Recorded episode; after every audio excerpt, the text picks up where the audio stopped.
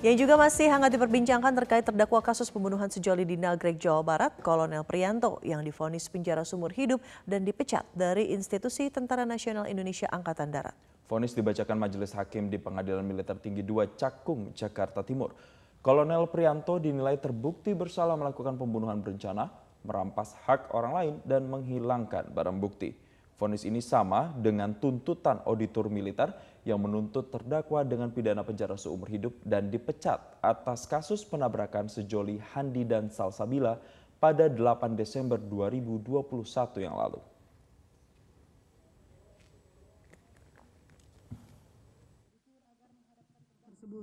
di atas yaitu Prianto, Kolonel Infanteri 1194 NRP 1194 0013330570 terbukti secara sah dan meyakinkan bersalah melakukan tindak pidana. Kesatu, pembunuhan berencana dilakukan secara bersama-sama sebagaimana dalam dakwaan primer, dalam dakwaan kesatu primer. Dan kedua, perampasan kemerdekaan orang lain dan dilakukan secara bersama-sama sebagaimana dalam dakwaan dakwaan alternatif kedua. Dan ketiga, menghilangkan mayat dengan maksud menyembunyikan kematiannya yang dilakukan secara bersama-sama. Memidana terdakwa oleh karena itu dengan pidana pokok, penjara seumur hidup, pidana tambahan dipecat dari dinas militer. Kepala BP Batam Muhammad Rudi menjamu pemain dan official Persib Bandung dalam gala dinner di Gedung BP Batam Kamis 2 Juni 2022. Acara jamuan ini juga turut dihadiri tokoh paguyuban se-Jawa Barat dan Banten.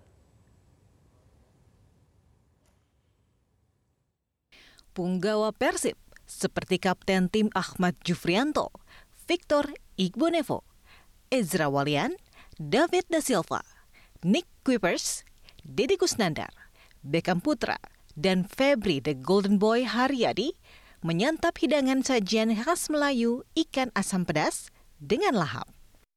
Semangat Persib semakin terasa saat Kepala BP Batam, Muhammad Rudi, memakai kaos kebesaran Persib. Teriakan yel-yel mari birukan Batam dan Kepri terdengar dari bangku tamu dan pendukung Persib yang hadir. Namanya mengembangkan satu daerah, semua sektornya harus kita kembangkan. Dalam pengembangan sektor ini semua yang berhubungan kegiatan manusia ini bisa kita tarik contoh. Kegiatan kita salah satunya hari ini olahraga. Persib saya kira secara nasional dunia orang sudah kenal namanya Persib, memang dia sering juara. Hari ini kita bawa mereka ke Batam dan ada kerjasama sama kita. Artinya dengan dengan Persib saja, maaf ya, itu Sokepri orang sudah datang ke sini. Hanya melihat pemainnya aja. Artinya apa? Artinya sambil ini mempromosi kota Batam.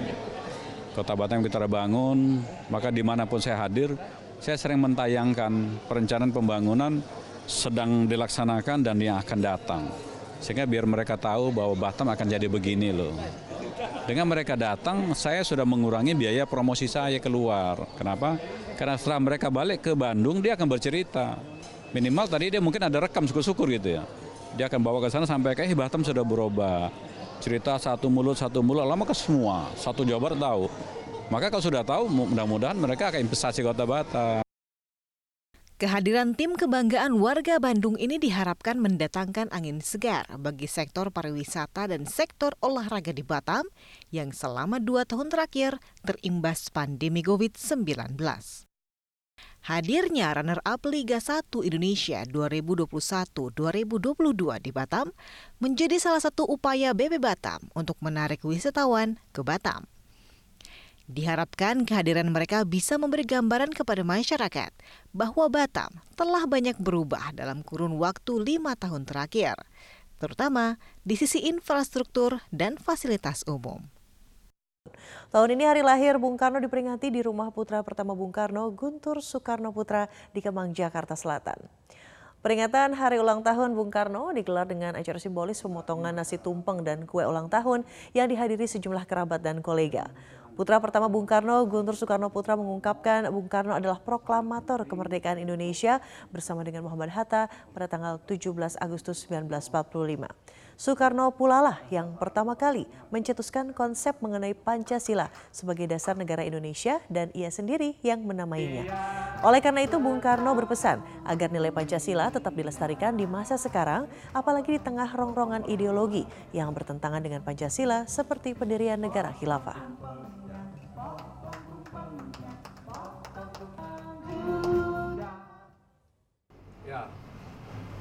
Yang paling penting harus dikenal Bung Karno itu adalah pikiran-pikiran, ajaran-ajarannya dan ideologinya. Karena itulah pikiran-pikiran Bung Karno itulah yang kemudian mengerucut kepada Pancasila dan Undang-Undang Dasar 45 yang menjadi dasar negara Republik Indonesia. Dan ini insya Allah harus langgeng Pemirsa suara keberatan disampaikan pelaku usaha wisata dan wisatawan menyusul rencana pemerintah menaikkan tarif tiket naik ke bangunan Candi Borobudur. Kenaikan tarif dikhawatirkan menghilangkan unsur inklusivitas Borobudur dan dapat membuat tingkat kunjungan merosot. Padahal saat ini kunjungan ke Borobudur mulai kembali ramai seiring dengan melandainya kasus COVID-19. Rencana kenaikan tarif tiket untuk naik ke bangunan Candi Borobudur hingga mencapai Rp750.000 per orang membuat resah wisatawan dan pelaku usaha pariwisata di Magelang dan sekitarnya. Pedagang di sekitar Candi Borobudur menilai tarif baru sangat mahal dan dapat menurunkan tingkat kunjungan. Padahal saat ini kunjungan wisatawan mulai kembali ramai setelah sempat sepi akibat terdampak pandemi. Rencana besaran kenaikan tarif juga tidak sesuai dengan sosialisasi yang sempat diberikan kepada para pedagang kayaknya juga terlalu mahal sih kalau 750 ribu.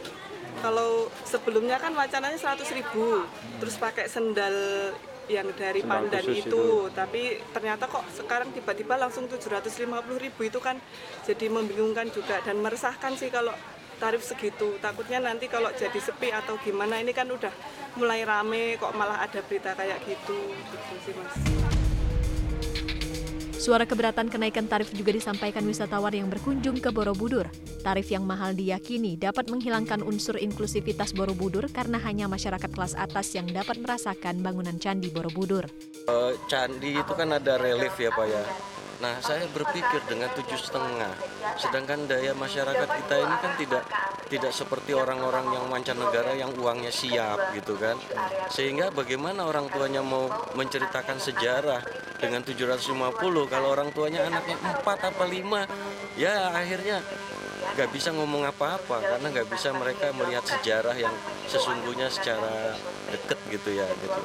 Menurut saya itu kurang kurang efektif ah. karena itu akan memberatkan kita sebagai domestik dan juga eh, dengan harga segitu akan mengurangi pengunjung yang datang ke sini dan lebih berpikir lagi untuk berwisata ke Candi Borobudur. Sementara itu, pelaku wisata meminta pemerintah maupun pengelola Borobudur meninjau ulang kenaikan tarif agar kunjungan ke Borobudur tidak terdampak. Pemulihan wisata Borobudur yang saat ini tengah berlangsung harus terus dijaga dengan tidak mengeluarkan kebijakan yang meresahkan. Untuk kami sebenarnya eh, berharap untuk dikaji ulang mengenai harga tiket masuk ke puncak Candi Borobudur karena tidak menampik bahwa Candi Borobudur adalah magnet untuk Magelang wisata Magelang tetapi bila itu tetap dilakukan uh, saya juga uh, berharap tidak berdampak buruk buat eh, rute-rute trip wisata yang ada di seputaran Candi Borobudur. Meski pelaku wisata dapat memahami alasan kenaikan tarif, namun pemerintah perlu menyiapkan alternatif objek wisata di sekitar Borobudur untuk memfasilitasi wisatawan yang keberatan dengan mahalnya tiket naik ke bangunan candi. Pasalnya, saat ini bangunan Candi Borobudur masih menjadi magnet bagi wisatawan untuk datang berkunjung. Sementara itu pemirsa, pemerintah mengungkapkan rencana kenaikan tarif tiket untuk naik ke bangunan Candi Borobudur merupakan bagian menata ulang Borobudur untuk menjadi objek wisata yang berkualitas. Kenaikan tarif tidak diambil berdasarkan aspek komersial semata, melainkan faktor konservasi bangunan Candi Borobudur.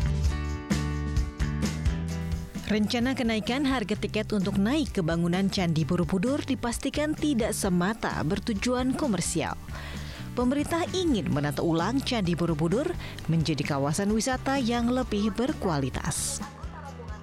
Menteri Pariwisata dan Ekonomi Kreatif Sandiaga Uno mengaku faktor konservasi bangunan Candi Borobudur menjadi pertimbangan pemerintah untuk menaikkan harga tiket. Salah satunya tingkat aus atau susutnya bangunan candi yang tiap tahun terus terjadi. Solusinya, jumlah pengunjung yang naik ke bangunan candi harus dibatasi dengan cara menaikkan harga tiket. Sandi yakin kenaikan harga tiket naik ke Borobudur tidak menyurutkan tingkat kunjungan wisatawan lokal dan asing. Sebab objek wisata di sekitar Borobudur sudah tersedia dengan hadirnya desa-desa wisata sehingga dapat menjadi alternatif bagi wisatawan yang keberatan dengan harga tiket. Pemerintah juga akan menyiapkan fasilitas yang menampilkan relief Borobudur yang dapat disaksikan secara tiga dimensi. Sehingga pengunjung dapat merasakan langsung tanpa harus berada di dalam bangunan candi.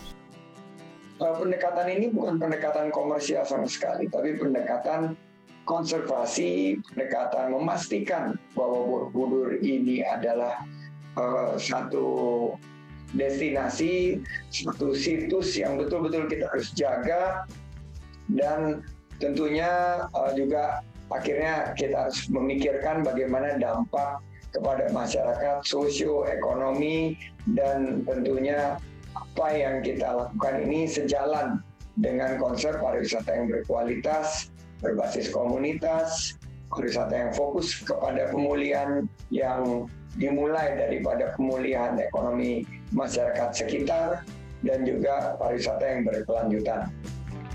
Balai Konservasi Borobudur membenarkan tingkat susut bangunan Candi Borobudur yang terus terjadi akibat banyaknya pengunjung yang naik ke bangunan candi. Saat ini Balai Konservasi menyiapkan sejumlah aturan khusus bagi pengunjung untuk mengurangi tingkat kesusutan. Di antaranya penggunaan sandal khusus. Eh, pengunjung yang akan naik ke struktur itu kami persyaratkan harus eh, dipandu oleh pemandu yang berkualitas yang bersertifikat. Kemudian pengunjung juga harus memakai sandal upanat Borobudur kami namai karena uh, upanat itu ada di istilah di uh, relief Kamami Bangga Candi Borobudur.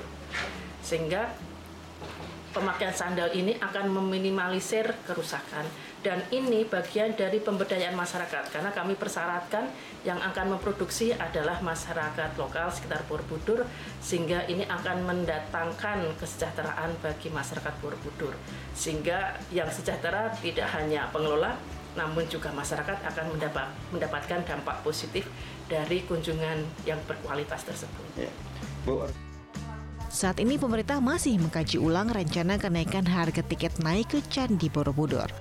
Presiden Joko Widodo bahkan belum menyetujui usulan harga Rp750.000 bagi turis lokal dan 100 dolar Amerika atau 1,4 juta rupiah bagi turis asing. Namun pemerintah menegaskan naiknya harga tiket hanya berlaku bagi turis yang naik ke bangunan candi. Sedangkan harga tiket masuk ke kawasan Candi Borobudur tetap Rp50.000 per orang.